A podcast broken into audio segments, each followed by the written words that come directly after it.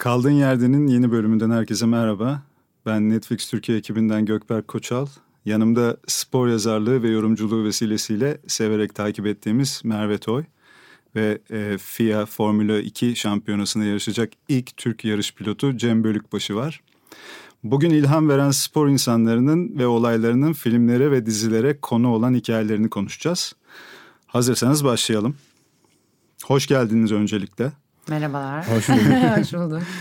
Ee, benim için şahsen özel ilgi alanım olduğu için sporda heyecanlı bir bölüm. Bence yine serbestçe akalım.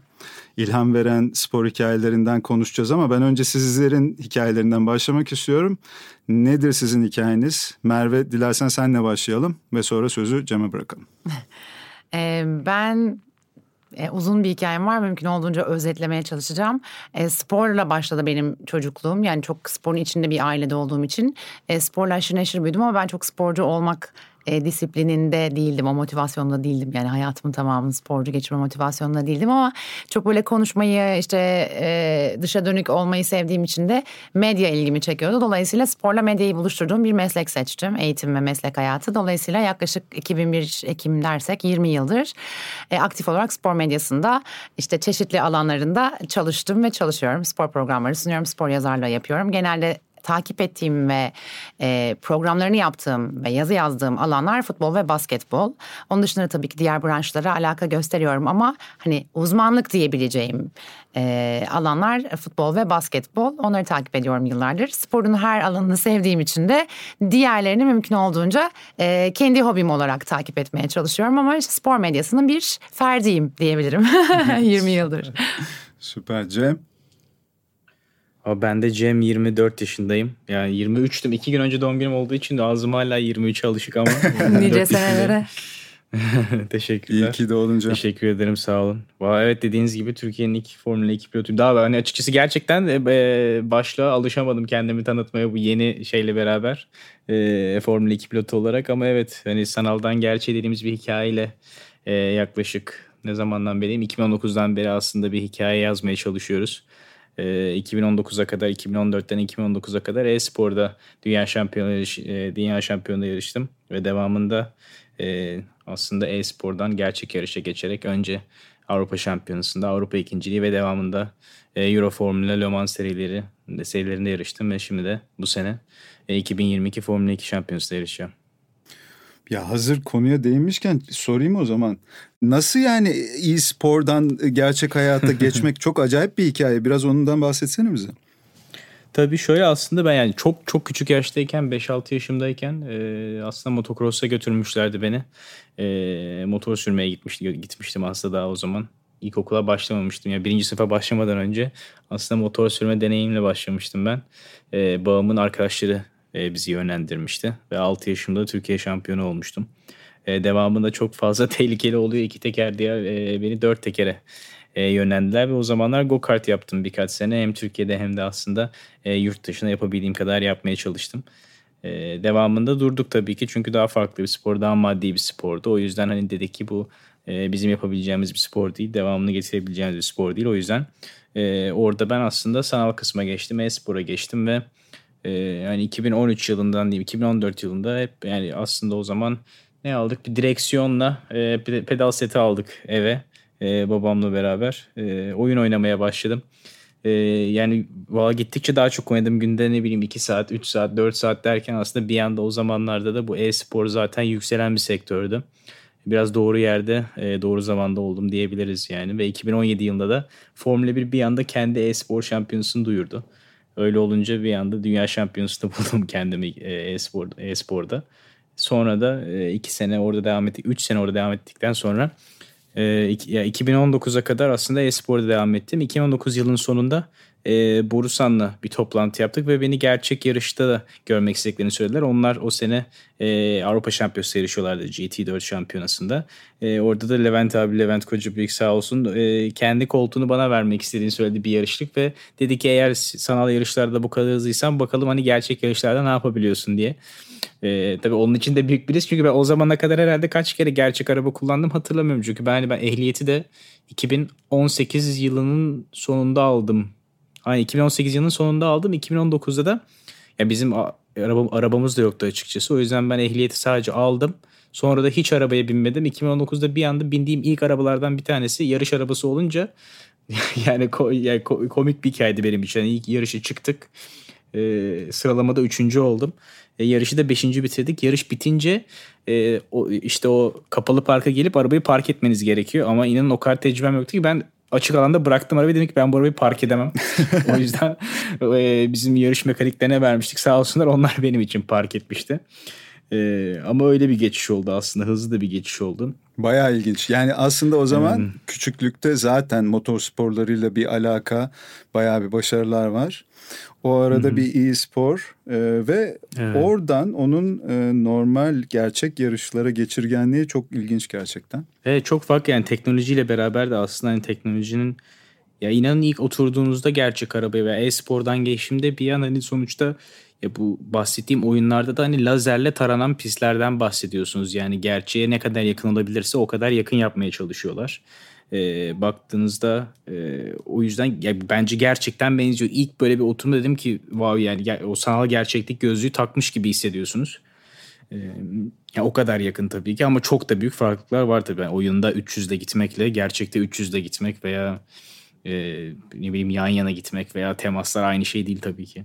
Gerçekten ilham veren hikaye e, adına çok çok bence iyi bir örnek. Teşekkür çok, ederim. Çok ilgi çekici bir örnek yani. Hı. Çünkü genelde şeye alışırız. Hani mesela Schumer en şimdi hızlı aklıma geldi. Biraz da yakın tarihte belgeselini izlemiştir diye düşündüğüm için insanlar. Hı hı. Hani genelde çocukluktan itibaren hangi branşı yapıyorlarsa bir şekilde ona ilgim vardı. Hep işte onun peşinde koşardım, go karttaydım ben sürekli falan gibi şeyler duyarız. Hani bu bayağı özel bir e, hikaye örneği. O yüzden e, hakikaten tebrik ederim. Çok zor bir şey başarmışsın. Çok sıra dışı. Sağ olun. Peki bunun bir örneği var mı başka dünyada? Şu an e-spordan e, gelip bu seviyede yarışan daha dünyada olmadı. Özellikle Formula 2 seviyesinde. O yüzden yani şu an dünyada ilk ve tek durumdayım. Biraz da bizi dinleyenlere bilgi olsun, detay merak ediyorlardır belki diye. Formula 1, Formula 2, sanırım Formula 3 de var değil mi? Doğru mu? 4 de var hatta. 4 de var. 4 de var. Bir de IndyCar hep duyarım küçüklüğümden beri. Bunların farkını biraz anlatır mısınız?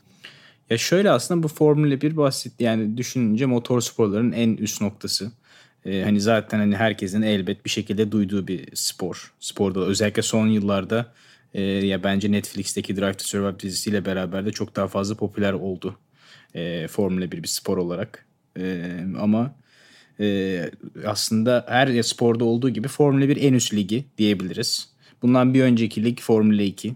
Ondan önce Formula 3 ve Formula 4 var. Yaklaşık 15-16 yaşınızda Formula 4'te bu işe başlıyorsunuz ve işte önceden karting geçmişinizi yapıyorsunuz. Normal motor sporları e, merdiveninde diyelim Formula 1'e giden yolda.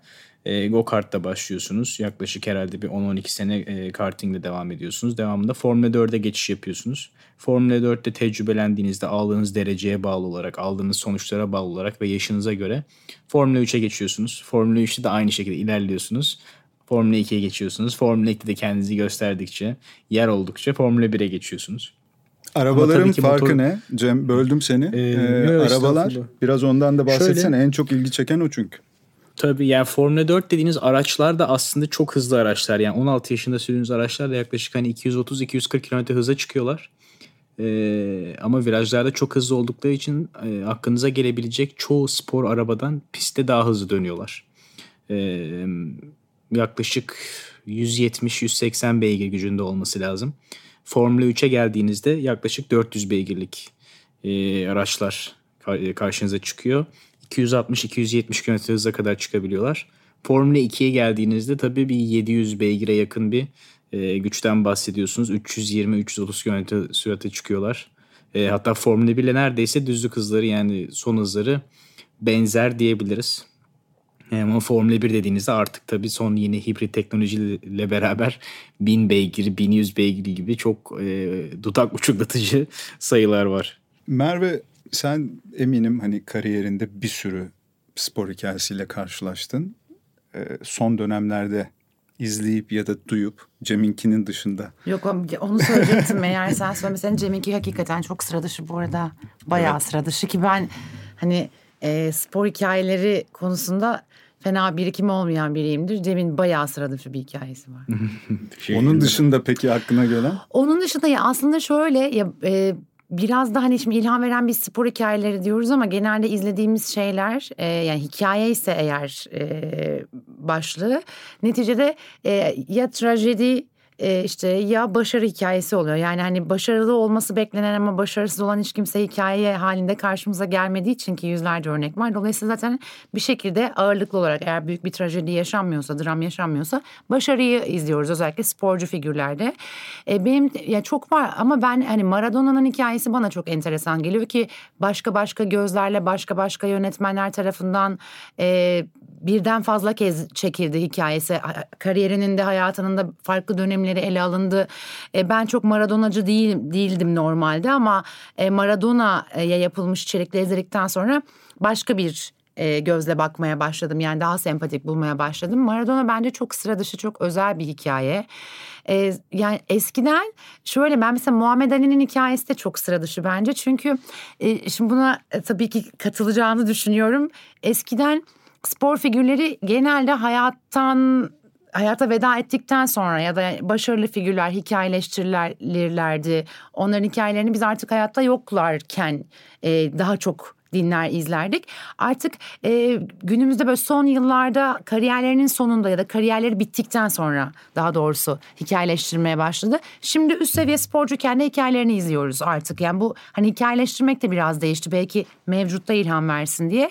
E, ya Schumacher çok e, etkileyici bence ama ben subjektif olarak e, konuşacağım. Aklıma bir sürü isim gelse de benim için çok çok çok özel olduğu için Senna. Yani Senna benim hayattaki hani bir Michael Jordan bir de herhalde Senna var yani benim için hayatta yani sporcu dersek. O yüzden e, Senna'nın hikayesi hem içinde barındırdığı trajedi hem bence çok önemli bir şey. Cem ne kadar katılır bilmiyorum ama genelde izlediğimiz e, sporcular bir şekilde zorlu şartlardan kurtulma motivasyonuyla o spora tutunuyorlar. Yani hayatlarında ki e, evet aşk o oluyor ama biraz da kurtulma yöntemi oluyor. Mesela Senna bence bu yüzden de özel çünkü onun için öyle bir şey söz konusu da değil. Yani hani sonunda işte başarı, bir şekilde para, aileni kurtarma, kendini kurtarma gibi motivasyonların olmadan bir hedefe bu kadar uzun süre e, motive olabilmek çok zor bir şey. Bence sporun en zor kısmı zaten motivasyon. E, gidip bir e, e NBA e, şampiyonluğu aldıktan sonra Jordan'ın ertesi gün antrenmana gelip bir se- sene sonraki NBA şampiyonluğu için aynı motivasyonla çalışabilmesi bence en zor kısmı işin. Dolayısıyla Senna'da mesela böyle bir survive edeceğim ben durumu da yok. Yani son derece e, iyi şartlarda yaşayan, çok yakışıklı, her türlü ekonomik imkana sahip falan bir adamın başarılı olmasına rağmen o tutkuyu sergilemesi, sonrasında da maalesef korktuğu şeyin başına gelmesi belki de insanlar için korktuğu şeydi ama kendi başına gelmesi ve sonrasında hiçbir daha öyle bir hikaye yaşanmaması benim gözümde ben defalarca izledim Senna'yı bu arada. Ya yani, e, bayağı yakınım birine bir şey olmuş gibi hissediyorum her seferinde. Dolayısıyla benim adıma Senna çok ekstra bir figür. Hikayelerinden aşırı etkilendiğimiz e, sporcular yani bir tık bir e, zeka seviyesinin üzerindeler ya da biraz deliler yani Hı-hı. hani biraz deli olmak lazım. Olmak lazım. Lazım yani mümkün değil. Hani yani senin benim gibi bakıp aynı şeyi gören insanlar için değil yani bu iş hani Michael Jordan oluyorsan e, kırmızı görüyor olman lazım ağacın dallarını. Yani hani öyle öyle bir e, hani çok böyle egzajere bir yerden yaklaştım ama şey olsun diye aradaki ayrımı net belirtsin diye böyle bir örnek veriyorum. Başka bir yerden bakıyorum. Biraz deli yani neticede. Cem senin delilik nereden başladı? Küçükken ya aslında e, şey, ilk önce şeye yorumlayacaktım sadece. Evet bence ikinize dediği gibi yani bir de şey durumu var. Hani zirveye ulaşmak gerçekten çok zor. Ama gördüğümüz üzere zirvede kalmak daha da zor. Ee, yani zirveye ulaşmanın motivasyonu da daha farklı tabii ki ama zirvede kalmanın motivasyonu bence daha da zor bulunuyor e, olunabilir olabilir e, şu ana kadar baktığımızda. E çünkü hani bir kere şampiyon olan çok var ama iki kere şampiyon olan çok daha az oluyor. Hani hatta ne bileyim bazen Nico Rosberg örneği Formula 1'deki bir kere şampiyon olduktan sonra tamam deyip emekli olan da var. Ee, ama tabii ki hani 7 kere dünya şampiyonu olmak isteyip 8.ye aç olanlar da var. Ee, o yüzden orada bir mentalite farkı olabiliyor herkes için. Ama benim delilik nereden başladı açıkçası bence e, Ya şöyle bir şey ki hani 5-6 yaşımda gittiğimde ben e, işte motocross olsun veya go kart olsun ilk başladığımda hani wow ben işte büyünce Formula 1 pilotu olacağım da şu kadar seviyorum bunu diye gittiğim diye gittiğimi düşünmüyorum. Yani o zaman zaten aslında aile bir yönlendiriyor. Siz de zaten onu anlayabilecek bir kavrayabilecek yaşta değilsiniz. Yani 5 yaş 6 yaşındasınız. Yani aslında biraz daha e, oyun olarak görüyor olabiliriz. E, hoşumuza gidiyor olabilir. Eğlendiriyor olabilir. Çünkü başka sporları da gidiyorsunuz ama en çok bunu yapmak hoşunuza gidiyordur. Ama eğlendiğiniz için yapıyorsunuz başta. Sonra bu biraz daha e, ya eğlenmenin dışına çıkıyor ve biraz daha wow bunu demek ki hayatımın sonuna kadar yapabilirim e, gidiyor. Ama delilik kısmı nerede gidiyor? Bilmiyorum ya deli bir kişinin kendine deli demesi zordur zaten bence ama dediğiniz ben gibi deli, deli olmayan da burada olmaz yani. yani. Gerçekten hani biraz deli, deli bir spor. Ona ters bir şey diyemeyeceğim ama ben deli miyim bilmiyorum. Çok Belki zor de. ya şey zor. Ee, yani bir şeyi o kadar e, devamlılıkla tekrar tekrar yapmak ve mükemmelliği aramak. Hani mükemmellik e, mümkün olmayan bir şey olmasına rağmen onu hedef edinmek çok güzel bir şey derdi benim eski bir hocam. Biraz da yetenekle birleştiği zaman o zaman efsanelere dönüşüyorlar. Biraz orada şeyi soracağım size. Hand of God'ı izlediniz mi? Hı hı. Can, ben izlemedim galiba sen ya. Izlemedin. Merve e, Maradona dedin diye e, oraya geleceğim. Çok enteresan değil mi? Böyle bir şehrin gözünde tanrılaşmış bir figür haline gelmiş olması ya ve çok, çok güzel. Çok enteresan. Şey. Ben ondan önce e, dediğim gibi başka Maradona içerikleri izlediğim için benim mesela en çok orada to, yani toplamda Maradona ile ilgili izlediğim her şeyde en çok e, dediğin nokta e, şey vardı. E, mezarlığın duvarına e, neler kaçırdığınızı bilmiyorsunuz ne kaçırdığınızdan haberiniz yok gibi bir yazı yazıyorlar e, şampiyon olduğu için yani hani geliyor ve şampiyon diyor ki ölecek zaman mıydı yani ne kaçırdığınızın farkında mısınız bu şehirde bu kadar yaşayıp hani ölecek zamanı mı buldunuz diye mezarlığın duvarına yazıyorlar. Benim de mesela en çok e, etkilendiğim direkt aklıma o geliyor. Mu muazzam bir şey tabii ki yani. İşte bu jenerasyonlar arası sporcu kıyaslıyorlar. Mesela Jordan, LeBron gibi, Maradona işte Messi gibi falan. Ben karşıyımdır genel olarak hani jenerasyonlar arası sporcu kıyaslamalarını ama e, bir sporcunun bir ülkenin bir yani bir takımın bir şehrin bir ülkenin e, kaderine nasıl tesir ettiği örneği e, dünyada herhalde bir birinci sırada Maradona galiba futbolda en azından. Evet baskette de kesinlikle Jordan. Jordan evet ben böyle küçükken hatırlıyorum ortaokulda PTT'de oynuyordum küçük takımda. Hayatım böyle fast break vardı bizim o zaman e, basket dergisi. Onların içindeki posterleri biriktirmek tamamen böyle e, playofflarla e, hayaller kurarak geçip e, ortaokuldan sonra başka bir şeye evrildi spor benim için mesela ama e, o şeyi hatırlatıyor hep bana basketbolda da e, ne güzel hikayeleştiriyorlar. E, özellikle NBA gibi bir e, Amerikan basket ligi olmasına rağmen bizim böyle çok içimize işlemiş ve hepimizin işte e, Michael Jordan e, gibi bir efsaneyi de tanıma fırsatı bulduğu. E, Last Dance'i izlediniz mi bilmiyorum ama E, ne düşündünüz Jordan'ı biraz daha böyle tanıdığınızda? Ben şaşırdım o küçüklüğünde hayali küçükken hayalimde canlandırdığım Jordan'dan e, çok daha farklı aslında çok tanıdık geldi. Ben de yaşlandığım için onu daha iyi anladığımı düşünüyorum. Çok tanıdık şeyler geldi e, gördüm gibi. E, siz ne hissettiniz onu merak ediyorum. Cem e, ben de merak ettim şimdi o yüzden senin önce hislerini duymak isterim. Ya şöyle ben aslında hani Jordan tabii ki çok biliyorduk isim olarak ama ben bu kadar hikayesini bilmiyordum ama tabii ki merak ediyordum. Ee, Hani ben inanılmaz işte yok küçükken bu kadar basket izliyordum veya futbol izliyordum diyemem. E, ama sadece isim olarak bildiğiniz için aslında hikayesini merak ediyorsunuz. Biraz daha hikayesini ben hani Last Dance'le öğrendim. E, işte nasıl şampiyonluklar olduğu, nasıl şeyler yapıldı. Benim için hiç bilmeyen yani yani normal bir insana nazaran az bilen birine göre benim için çok ilgi çekiciydi. Ee, ama beklediğim gibi biri miydim? Biraz beklediğim gibi biriydi. Çünkü bir de takım sporuyla bireysel spor biraz daha farklı olduğu için hani bizde tabii ki yine bireysel spor ama özünde biraz takım sporu da var. Ee, çünkü hani bizim ya herhangi bir motor sporlarında da takımla beraber çalışmazsanız hiç baş, hiçbir şekilde başarılı olamıyorsunuz. Ee, aracı süren biziz ama aracı sadece süren biziz. Yani biz aracı sürerken işte dikkat etmemiz gereken bin bir türlü şey oluyor. Aracın sürerken yani 4-5 farklı mühendisle e, kontak halindeyiz. Arabadan indiğimizde yaklaşık 30-40 kişilik bir ekiple bir toplantı yapıp ona göre bir sonraki antrenmana neler yapılacağı, nasıl turlar atılacağı ve aracın ayarların nasıl yapılacağını e, anlatan bir toplantı düzenliyoruz ve aslında orada benim dediğim yönlendirmeye takım güvenerek ilerliyor. Ve ben yanlış bir şey söylersem bütün hafta sonu yanlış yönde ilerliyoruz aslında. Ee, o yüzden bir yandan da çok acayip bir takım sporu.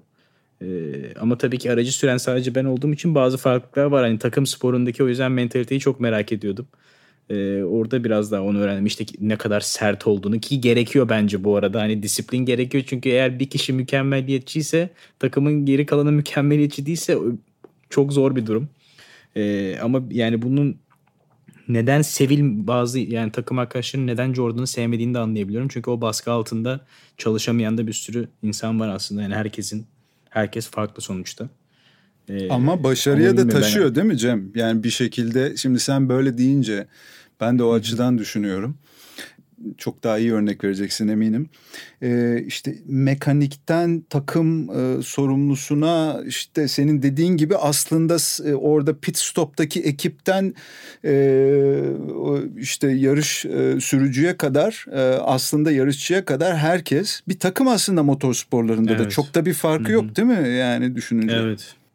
Yo baktığınızda çok bir farkı yok. Yani ben sadece arabayı tek sürüyorum. Ama arabanın orada tek sürebilmem için o kadar çok insan çalışıyor ki hatta yani Formula 1 seviyesinde yaklaşık 300 kişilik bir ekipten bahsediyorsunuz. Bunun bir kısmı pistte, bir kısmı fabrikadan canlı şekilde bağlanarak e, size yardımcı oluyor. O yüzden bunların hepsini bir şekilde sizin de en iyi şekilde koordine etmeniz gerekiyor. Sizin motivasyonunuz öyle bir yani sizin motivasyonunuz hep yüksek olmalı ki etrafınızdaki herkes ya siz ne kadar yani siz ne kadar çok kazanmayı isterseniz aslında etrafınızdakiler de o kadar çok istediği için eğer ben motive olmamış bir şekilde üzgün bir şekilde veya tatmin olmamış şekilde araçta inip konuşuyorsam herkese herkesin morali bozuk bir şekilde çalışmaya devam ettiği için benim e, yani konuşma tarzım bile bütün takımın gidişatını etkileyebiliyor. Merve sen ne düşündün? Ben e, Jordan konusuna. Hı hı. Ve Last Dance. Ben Last Dance. Şimdi ben e, Last Dance'i üç kez izledim. Anlamamışım. bir daha açacağım. bir daha izleyeceğim diye. Tabii izliyor, iz, üç kez izleme sebebim şu. Ben biraz daha Cem'e nazaran daha tabii ki hakimdim. Hani e, bir de benim çok ilgi alanım kendisi yani şahsen. E, dolayısıyla kariyerine işte zaten hakimdim. Karakterine belli oranda hem sporcuyken hem sporculuk sonrası işte hani bu takım vesaire falan zaten bir sürü sporcuyla ters düştü. Dolayısıyla yani genel olarak hakimdim. Onun dışında ama tabii ki benim için özel bir figür. Ve e, bence yani izlemeyen insanlar da olduğunu düşünüyorum hala. Ben de arka arkaya başka başka şeyleri yakalayabilmek için izledim. Çünkü bu uzun bir alışık olduğumuzdan uzun bir belgesel seri. E, kaçırabiliyorsunuz bazı şeyleri. Dolayısıyla ben böyle hani birkaç defa izlediğimde enteresan başka noktaları yakalayacağımı düşünerek izledim. Bir de zaten ne kadar izlesem doymadığım için. e, ya Jordan e, çok konuşuldu e, belgeseli yapıldığında e, Last Dance'te ama genel olarak hani bu kadar e, özel figürler zaten hiç kimsenin böyle ay çok da iyi insandır, çok yumuşacık bir kalbi vardır falan diyeceği insanlar olmazlar. Yani genel olarak zaten biraz daha aykırı, biraz daha duygularını bir kenara bırakabilme kabiliyeti olan e, figürler. Onun dışında hep tarih boyunca tartışıldı Scottie Pippen, işte e, Michael Jordan hangisi hani Scottie Pippen'ın olur muydu Michael Jordan olmasa veya tam tersi diye. E, zaten Scottie Pippen'ın düzenli olarak ikinci adam olmasının e, sebebini bütün belgesel boyunca gördük. Yani o karakter farkı hani bireysel yetenekleri e, kimilerine göre denk bile olabilir zaman zaman ama karakter çok enter, enteresan bir şey bir fark ortaya koyuyor. Belgeselin tek dezavantajı ben bir Jordan koleksiyoneriyim. Ve e, maalesef e, sold out olmaya başladı Jordan, Air Jordan'lar. Yani hiç kimse Air Jordan almaya çalışmazken hani erkekler genelde ya da basketbola ilgi duyanlar. Bütün dünyada bir moda unsuru olmaya başladı Jordan şeyler, e, ayakkabılar, işte diğer tekstil ürünleri falan ve ben daha zor temin eder ve daha yüksek maliyetle temin eder oldum. Biraz ondan şikayetçiyim. Ama yani Jordan bunu hak ediyor. Gerçekten hak ediyor. Çok ilginç. Sadece bir tane sorum var o zaman size. Jerry Krause peki o zaman madem bu ekip çalışmasıydı başarının içinde e, payı var mı? Ne düşünüyorsunuz? Antagonist gibiydi belgeselde. E, özellikle Merve sen ne hissettin izlediğinde? Ya bu genelde yani çok hani Jerry çok bence çok e, nasıl diyeyim sık rastlanır figürlerden bir tanesi. Böyle özellikle kulüpler anlamındaki başarı hikayelerinde. Hani başarının çok aslında temel bir noktasında durup e, kontrolünü belli noktada kaybedip başarısızlığa e, daha yakın bir sebep olan figür. Anlatabildim mi bilmiyorum. Ben çok düzgün bir Türkçe kullanamadım şu bu noktada ama yani normalde aslında daha amatörken ya da daha egoları ikinci plandayken çok başarılı e, katkı sağlayıp sonra egoları ve anlamsız yarışları yüzünden e, daha iyi, büyük başarılar yerine e, daha azıyla yetinmeye sebep olan figür gibi görüyorum kendisini. Hı hı. Bu egolar biraz evet bence çok iyi anlattın. Bu egolar biraz giriyor. Futbol dünyasında da biraz var sanırım. Peki spor güzel bir konuya evrildik bence spor. Egoyu dizginlemek için iyi de bir araç değil mi? Ben hep öyle hissediyorum. Biraz böyle e, şahsi olarak e, hep böyle hayatımda sporu kendimi sakinleştirme, hep e, küçüklükten beri gelen o hiperaktivitemi biraz kontrol altında tutma, hep kendimle verdiğim böyle bir e, mücadele olarak gördüğüm için biraz da oralara evrildi benim böyle kendi hobisel olarak yaptığım sporlar. Egoyu da biraz dizginliyor e, şahsi olarak ama ne noktada ego giriyor işin içine? Başarı girdiğinde e, sıkıntılar yaratabilir mi sizce? Rekabet girdiğinde bence başlıyor zaten otomatik. Yani kendi kendine yaptığında belki tek rakibin kendin oluyorsun ama rekabet girdiğinde e, zaten başlıyor bir şekilde egon hareket etmeye. Sonrasında başarıyla birlikte bence yani antrenman yani zihnini antrene ediyorsun. Fizik yani fizik yani bedenini antrene ediyorsun. Bence aslında o da bir antrenman yani mental olarak da kendini antre, antrene etmek gerekiyor. Yani o sadece bence konsantre olmak, fokuslanmak falan gibi bir şey değil. Egonu da aslında belli bir e, şeyin içinde, kafesin içinde tutmayı da yine bence o antrenmanla yapıyor olman lazım. Dolayısıyla hani insanın e, öz eleştirisinin sabit kalması lazım ki egosu zarar verecek boyutta ortaya çıkmasın. Öyle düşünüyorum sporcular için de. Güzel bir yere parmak bastın. Cem? Yo doğru bence ama aslında sporda gerçekten hani gerek e, bir hayat yani hayatı hedef katma, amaç katma. Bu sadece spor olmak zorunda değil, sanat da olabilir. Ne bileyim çok sevdiğiniz bir ders de olabilir. Genel olarak hani hayatta geleceğinizde gördüğünüz yani geleceğinizde ona göre planladığınız bir şey olduğu için evet, hiperaktivite mesela küçükken yani odaklanacak bir şey istiyorsunuz ve odaklanıp seveceğiniz ve takip edebileceğiniz bir şey istiyorsunuz. Bu bir sanat olabilir, bir enstrüman çalabilirsiniz. Kendinizi orada geliştirebilirsiniz. Bütün odağınızı veya hani kendinizi bir yani e, bir yapay bir kutuya kapattığınız bir şey olabilir. İşte bu gitar çalarken bunu hissediyor olabilirsiniz. Bütün her şeyden koptunuz. Ne basket oynarken bunu hissediyor olabilirsiniz. Futbol oynarken bunu hissediyor olabilirsiniz dersle alakalı kitap okurken bunları hissediyoruz. Bence orada da çok avantajı oluyor. E çünkü hem size bir amaç veriyor yaptığınız yani bir hedef doğrultusunda da sizi bir, bir yere yönlendiriyor. Ve aynı zamanda ego bence aslında yani her zaman da negatif bir şey değil. Yani dizginlediğinizde gerçekten de çok büyük avantajınız olabilen bir şey. E, çünkü biraz da aslında kendinizin farkında olmanız lazım. Bu nasıl hani ego olarak düşünebilir bilmiyorum ama hani kendinizin ne kadar farkındaysanız o özgüvenle birleştirip sizin hareketlerinize, karar vermenize ve sakin olmanıza yardımcı olabilir. Çünkü hani örneğin Michael Jordan atacağı üçlüğün gireceği, gireceğinden çok emin olduğu için belki de o kadar fazla üçlük atıyordu ama her üçlü atarken ya ben belki bunu kaçıracağım diye atsa zaten onlar da girmeyecekti e, diye düşünüyorum. O yüzden hani dizginleyebildiğinizde ve kontrol edebildiğinizde bence çok da avantajlı bir hale getiriyor. Çok, çok Cem belgeselin en kritik noktasının örneğini verdi bence. Yani böyle hayatımız kişisel gelişim kitapları falan işte kişisel gelişim seanslarına dönüştü. Yani genel olarak dünyada çok popüler son yıllarda. Orada bence kişisel gelişim adına hani düşünme modeli örneği adına en kısa ve spesifik örnek kendisiyle ama takım arkadaşı anlatıyor. Diyor ki hepimiz elimizden çıkacak olan üçlüğün tabii ki maçın kritikliğine ve süreye göre e, ya girmezse endişesini yaşardık. Bir tek o yaşamaz yani diyor ve dönüyorlar ona diyor ki e, evet ya henüz elimden çıkmamış bir topun neden girmeyeceğini düşüneyim. Bu aslında çok basit ama çoğu insanların çoğu yapamıyor bunu. Yani hep olumsuz ihtimali canlandırmaya müsaitsin. Dolayısıyla ben bence de belgeselin en kritik noktası orası. bir korku faktörü var.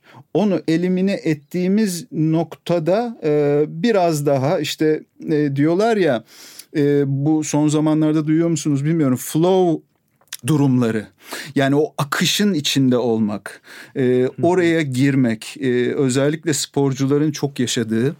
Mesela Michael Jordan'ın üst üste acayip bir seri atması ya da üst üste e, bir motor sporcusunun inanılmaz iyi virajları alması ve o, işte o akış anında olmak. Korkuyu elimine etmeyle bir bağlantısı var mıdır sence? Yani bence aslında tabii ki vardır ama çok da büyük bir etki olarak düşünmüyorum. Çünkü korku zaten genel olarak bu seviyede bir sporcunun pek aklında olan bir şey değil ve zaten bu seviyedeki bir sporcu yani şu ana kadar kaza da yapmış olduğu için bir yandan da bunu şey olarak düşünüyorum. Yani ben mesela hani şu ana yani iki hafta öncesine kadar büyük bir kaza yaşamıştım. Hani yine büyük bir kaza demeyeyim bir şey olmadı bana çünkü ama en son hani herhalde yaptığım en büyük kaza iki hafta önce yaptım. Ee, belki görmüşsünüzdür yani sosyal medya veya internette. Ee, ya aslında bir yandan da şey görüyorsunuz. Hani baktığınızda hani çok büyük bir kazada bile çiziksiz şekilde kurtulabildiysem diyorsun. O zaman yani gerçekten korkulacak. Yani eskiden çünkü şey vardı. Yani nasıl ben, ya şu ana kadar kötü bir kazam olmadı. O yüzden korkacak bir şeyim yok diye belki yaklaşıyorsun diye düşünüyorlardı benim için. Çünkü hani zaten e-spordan geldin. Ee, öyle belki de avantajın senin korkunun olmaması diyorlardı. Ama şu anda düşünüyorum ki hani öyle bir kazada bile ben aracın içine atlayarak çıkabiliyorsam ve çiziksiz kurtulabiliyorsam demek ki ya zaten kazanda da pek bir şey olmuyormuş. O yüzden yine korkulacak bir şeymiş, bir şey yokmuş o evriliyor bir anda. Ee, ama hiç de düşündüğüm bir şey değil hala açıkçası. O yani zaman çünkü şanslısın. E, düşünmeye vaktiniz bile yok aslında bir de. O kadar hani çok çok düşünecek şey oluyor ki bir an onu yani inanın vaktiniz olmuyor yani düşünmeye öyle bir şeyin. Çok güzel aslında bu dediğin. Ben de tam olarak o tarz sporları seçmeye çalışıyorum Cem. Böyle hı hı. E, düşünmeye vaktimin olmadığı, tamamen bir sonraki adıma odaklanmaya iten beni. Yani tamamen yaptığım şeye odaklanmamı sağlayan. Hı hı. O beni çok rahatlatıyor. Geçen de de e, Nirmal Purja'nın belgeselini izledim. Netflix'te vardı e, fırsatınız olduğunu bilmiyorum. E, 14 Peaks diye bir belgesel. Aslında bu Nirmal Purja e, bir dağcı. Eskiden Nepal e, özel kuvvetlerinde e, görev yapmış. E, aslında Birleşik Krallık ordusuna bağlı ve e, Gurkalar diyorlar işte e, Nepal e, güçlerine. E, bir Gurka'nın yani e, aslında azınlık olarak e, Birleşik Krallık ordusunda özel kuvvetlere girebilmesi Nepalli birinin e, çok e, olmamış geçmişte e, ama Nirmal Purja böyle bunun çok e, ilginç örneklerinden. Onun da böyle biraz önce Merve'nin bahsettiği gibi delilik sınırlarında e, bir tutkusu var. Her gece 2'de 3'te kalkıyor 60 kilometre sırtında ağırlıkla koşuyor. Karısı diyor ki işte ben onu öyle kabul ettim diyor. Ondan sonra e, oradaki kariyeri bittikten sonra e, dağcılık e, adına çok ilginç, çok acayip bir şey yapıyor. 14 tane e, dünya üzerinde 8 bin metrenin üzerindeki e, dağ daha önce çok uzun yıllar sürmüş e, çok kısa bir sürede tırmanıyor ki insanlardan bunun için fon alması gerekiyor. Bu arada bu dağlar işte Pakistan, Hindistan, Çin ve Nepal bölgesindeki Himalayaların e, genel olarak 8 bin metre üzerindeki dünyanın en yüksek noktaları. E, bunları o kadar kısa sürede tırmanacağına kimse olanak vermiyor, kimse bunu düşünmüyor. O da projesinin adını proje Project Possible diyor o yüzden. Herkes impossible dediği için, imkansız dediği için o da mümkün olarak koyuyor projenin adını. Bir insanı sizce ne bunu yapmaya iter? Ben de çok e, huzur buluyorum bir noktada düşünmeme fırsat vermeyen e, sporlarla uğraşırken. Bir yandan da bu tutku birleştiği zaman e, ne düşünüyorsunuz bu konuyla alakalı? Cem. Ben ben başlayayım. Biraz sizi Yani- konfor Biraz alanınızın Zorlandım ben çünkü bu yanıtı düşürmem Aynen. gerekiyor galiba. Çünkü konfor alanınızın biraz dışına Dışına çıkalım. çıktık, evet. Motor sporları Ben- konuştuk. Ee, basket konuştuk. Ee, biraz da e, doğa doğa sporları, dağcılık e, biraz da benim e, böyle ilgimi e, çeken konularda size danışmak istedim. Ne düşünüyorsunuz diye. Dağcı değil değil mi? Normalde sadece başka bir şey için çalışırken Dağcı. bu rekora da. Sonradan dağcı olarak kariyerini Ha, sonradan dağcı oluyor. Aynen. Ama Eskiden işte özel kuvvetlerdeymiş. Orduda görev yapmış. Birleşik Krallık'ta sonradan dağcılığa başlıyor ama kimsenin yapılamaz dediği 14 tane içine K2 ve e, işte Everest'te dahil olan işte 8 bin metrenin üzerindeki dağ inanılmaz bir zamanda resmen ölüme e, ölüm sınırında gezdiği bir ekspedisyona çıkıyor aslında ama burada çok ilginç bir şey oluyor. Arada sürekli birilerini kurtarıyorlar bir de. Belgeselde en çok o ilgimi çekti. Ee, sadece onun bir sporcu olarak buna hazırlanması, bunun fonunu sağlaması, insanlara bunu inandırması, işte belki hastalık, delilik e, seviyesinde sabaha karşı e, kalkarak her gün e, uzun yıllar boyunca kendini buna adamasının ötesinde bu kadar emek verdiği bir projenin ortasında e, sürekli 2-3 kere tam projeyi tehlikeye sokacak noktada başka insanları kurtarmak durumunda kalıyor. Bir de adam onu yapıyor. Çok ilginçti Allah, mesela. Orası ilginç. benim çok ilgimi çekmişti. İzleyeceğim kesin. Biraz da bence burada hani kesinlikle yapılamaz olması ya ben hani veya hani e, ya kesinlikle bence yapacağına en başta adamın kendisi de inanmadığı bir proje olarak başlıyor. Yani e, veya her ne kadar kendinize inansanız bile başta öyle bir aslında hedef koyuyorsunuz ki biraz kendinizde bir şüphe ediyorsunuz. Acaba yapabilir miyim diye. Ama zaten hani kesin yaparım dediğiniz projeyi yap yani yapmak zaten aynı şeyi vermiyor bence. Azı da vermiyor. Zaten hani başta öyle bir proje olması lazım ki etraftaki herkesin bunu kesin yapamazsın dediği bir şey olması gerekiyor ki biraz sizi motive etsin. Yani herkesin zaten Aa, bunu kesin yaparsın dediği proje zaten çoktan yapılmış oluyor bir de. Dağcılıkta hep sorarlar ya ya insan buna niye tırmanır? Çünkü belli bir metreden sonra e, gerçekten fiziksel olarak ölmeye başlıyorsun. O yüzden tepede uzun süre kalamıyorlar. Mesela bir zirve yapıldığı zaman hemen inmeye başlarlar ve daha çok ölüm e, dönüşte oluyor. E, yanlış bilmiyorsam. E, çıkarken değil. İşte diyorlar ya o niye dağa tırmanıyorsun? Çünkü orada diyor.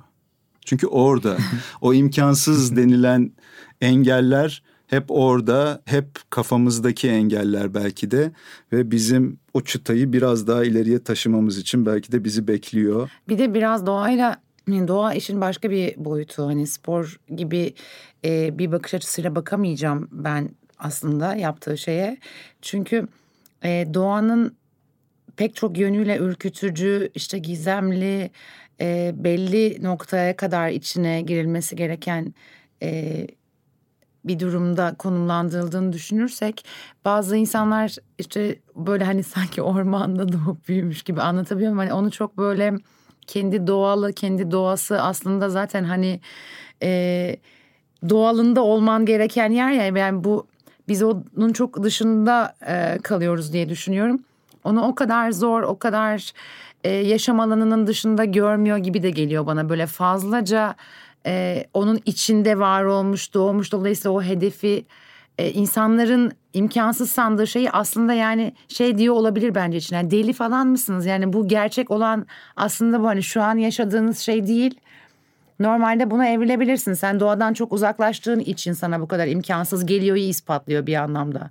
Hani doğa senin yok ettiğin, korktuğun bir şey haline gelmiş. Ama aslında sen canlı olarak yani temelde doğduğun şey bu. Bunun belki tepesinde yaşayacaktın. Ya da işte avlanmaya normalde çıkıp inecektin. Kendini ona geliştirmedin zaten yani sen. Başka bir şeye evirdin kendini insanoğlu olarak ve daha kolay yaşıyorsun. Evet Merve çok güzel söyledin. Aslında mekanizma hareket etmek üzerine kurulu, hep gelişmek üzerine kurulu. Belki de o yüzden kendimizi hedefler arıyoruz. O yüzden biraz daha kendimizi zorlamaya çalışıyoruz. Zorlamadığımız noktada sıkılmaya başlıyoruz ya. Vücuttaki e, hormonal bütün göstergeler hareket ettiğimizde ve zorlandığımızda bizim daha mutlu olduğumuzu gösteriyor aslında. Sabahtan akşama kapalı kutuların içinde oturduğumuz zaman e, hem zihinsel hem fiziksel çöküşe doğru gidiyoruz. O yüzden doğa e, eskiden daha hakimdik. Eski top mecburduk hakim olmaya. Tarım yapmak için yıldızları tanımamız gerekiyordu. Yıldızları görebiliyorduk eskiden. E, karnımızı doyurmak için fiziksel belki bütün gün uğraşmamız gerekiyordu. Belki birkaç gün boyunca uğraşmamız gerekiyordu ve onun karşılığında bir ödül vardı. Şimdi bunlar o kadar e, basit geliyor ki biraz hafife alıyoruz gibi geliyor bana da. Evet. Kesinlikle. e, Aaron Hernandez'i izlemeyen varsa bizi dinleyip e, ve mevcutsa hala çünkü çok uzun süredir var. Yani belki de yayın süresi sona erecek kısa zamanda o yüzden izlesinler istiyorum. Çünkü şimdi biz hani Schumacher, Senna, Neymar, e, işte Griezmann, Anelka e, başka branşlarda yani çok hep böyle başarı hikayesi başarı hikayesi evet süper şahane kesin izlesinler. Ben de hepsini iz, severek izledim. Fakat e, Aaron Hernandez çok enteresan bir örnek hem başarı anlamında hem trajedi anlamında. Dolayısıyla Cem sen eğer izlemediysen izlemeni tavsiye ederim. Üç bölümlük bir belgesel o da. Ee, Aaron Hernandez benim e, zihnime işlenmiş en enteresan hikayelerden biri. Hem bir kısmı pozitif hem bir kısmı aşırı negatif olmak olmak üzere. Dolayısıyla böyle her gördüğüm e, spor konuştuğum insan aynı şeyi söylüyorum. Defalarca Instagram'da paylaştım çılgınca. Hala izlemeyen var mı? Bağırıyorum bir buçuk senedir diye. O yüzden Eren Hernandez'i lütfen izlesin e, bu podcast'i dinleyen insanlar. Kesin izleyeceğim. E, o zaman güzel bir final oldu bence. Herkes bir öneride bulunsun. Ee, Aaron Hernandez'in belgeseli geldi e, Merve'den. Cem sen de bize bir şey öner. ben klişe önereceğim çünkü gerçekten çok başarılıydı Drive to Survive F1 belgeseli Netflix'teki. Süper. Yok izlemeyen e, eminim ki vardır. Herkes not etsin. Ben de 14 Peaks'i öneriyorum hmm. herkese. Biraz önce belirttiğim gibi. Çok teşekkürler. Bizi dinleyenler de umarım bizim kadar keyif almıştır. Sizinle oturmak bir keyifti. Haftaya farklı bir moderatör, yeni bir konu ve konukla kaldığın yerden görüşmek üzere.